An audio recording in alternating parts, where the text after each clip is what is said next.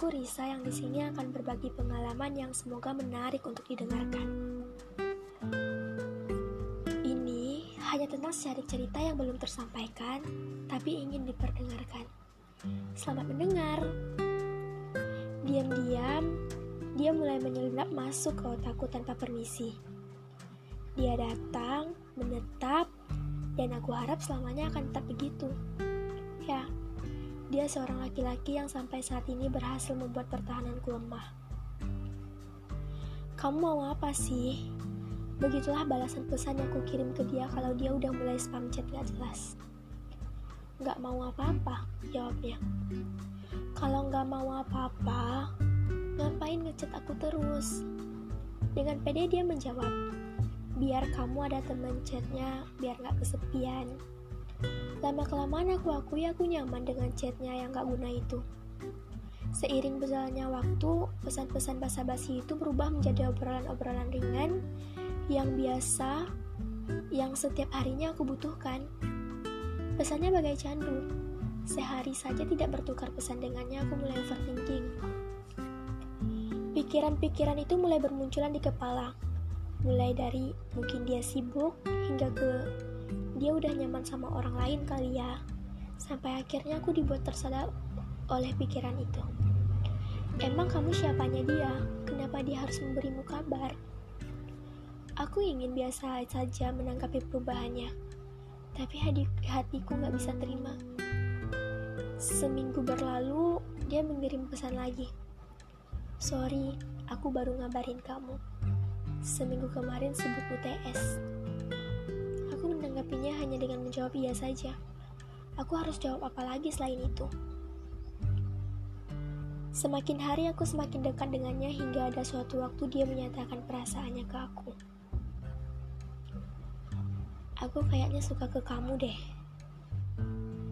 Begitulah pesannya. Notifikasinya masuk, sengaja tidak langsung kubalas karena aku bingung. Aku nggak tahu harus balas apa. Pesannya masuk lagi. Kalau kita lebih dari teman, menurutmu gimana? Setelah aku pikir, aku menjawab permintaannya itu. Kayaknya nggak dulu deh. Aku nggak yakin sama perasaan aku sendiri. Mungkin dia kecewa dengan jawabanku. Tapi jujur diriku sendiri juga kecewa dengan jawaban itu. Karena dengan dia aku bisa ngerasain kata nyaman itu. Hal lain yang menjadi alasan aku menolaknya ya karena jarak. Jarak kita yang gak memungkinkan kita untuk lebih dari seorang teman.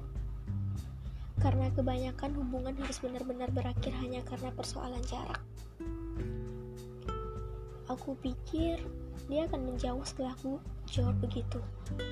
Tapi dia tetap mengabariku seperti biasa poin plus yang jujur bikin aku makin jatuh ke dia. Waktu pun berganti. Aku dan dia masih sama, masih sama-sama berteman baik. Tapi dia memperlakukanku tidak seperti seorang teman. Karena jujur, dia memperlakukanku layaknya sebagai seorang kekasih. Aku pernah menanyakan ke dia, sebenarnya kita ini apa sih? Mungkin pertanyaan itu terkesan cukup tidak tahu diri, karena jujur aku menyesal menolaknya waktu itu. Aku makin hari makin mengenal pribadinya, ya meskipun dia teman lamaku, tapi ada yang berubah sedikit-sedikit, dan aku suka itu. Dia jawab pertanyaan aku, kita nggak butuh status apa-apa. Aku tahu perasaan kamu, kamu tahu perasaan aku itu udah cukup buat aku kalau kita pacaran aku yakin kita nggak bakal ada masalah. Kalau kayak gini aja kayak teman tapi saling ada rasa insya Allah awet maksud kamu komitmen ujarku. Komitmen itu terlalu berat terlalu dewasa untuk kita harus paham hal itu. Sekarang yang terpenting kamu tahu aku ada rasa ke kamu dan kita harus sadar kita harus sama-sama jaga hati. Aku cukup speechless dengan jawabannya itu. Dan aku mikir, orang kayak dia bisa ngomong gitu juga ya. Dia bukan hanya teman yang baik, tapi dia juga tempat bercerita yang tepat. orang yang tidak pernah membuatku menunggu, orang yang selalu manis cara bicaranya, selalu manis memperlakukanku. Dan pada detik itu aku nyatakan aku benar-benar jatuh cinta. Jatuh cinta sama dia itu susah, tapi menyenangkan. Aku beruntung punya dia. Dia yang dengan sukarela menemaniku berladang virtual karena tugas, begitu pun sebaliknya. Kalau aku yang menemaninya membuat tugas, di salah percakapan kami dia akan sering bertanya hal-hal yang membuat otakku tidak bisa menjawab dengan cepat. Sin 30 berapa? Tangan 90 berapa? Aku tidak suka dia jika mendengar dia berbicara pintar seperti itu. Aku benar-benar tidak suka terlihat bodoh di hadapannya. Hal itu akan membuat imageku jatuh dan aku tak suka itu. Oh iya, aku lupa mengatakan hal ini. Dia satu-satunya orang yang selalu ingin mendengar cerita keseharianku. Pertanyaan andalannya begini. Di mana harinya? Terkesan basa-basi, tapi pertanyaan seperti itu bagiku jauh lebih baik daripada pertanyaan sudah makan atau belum.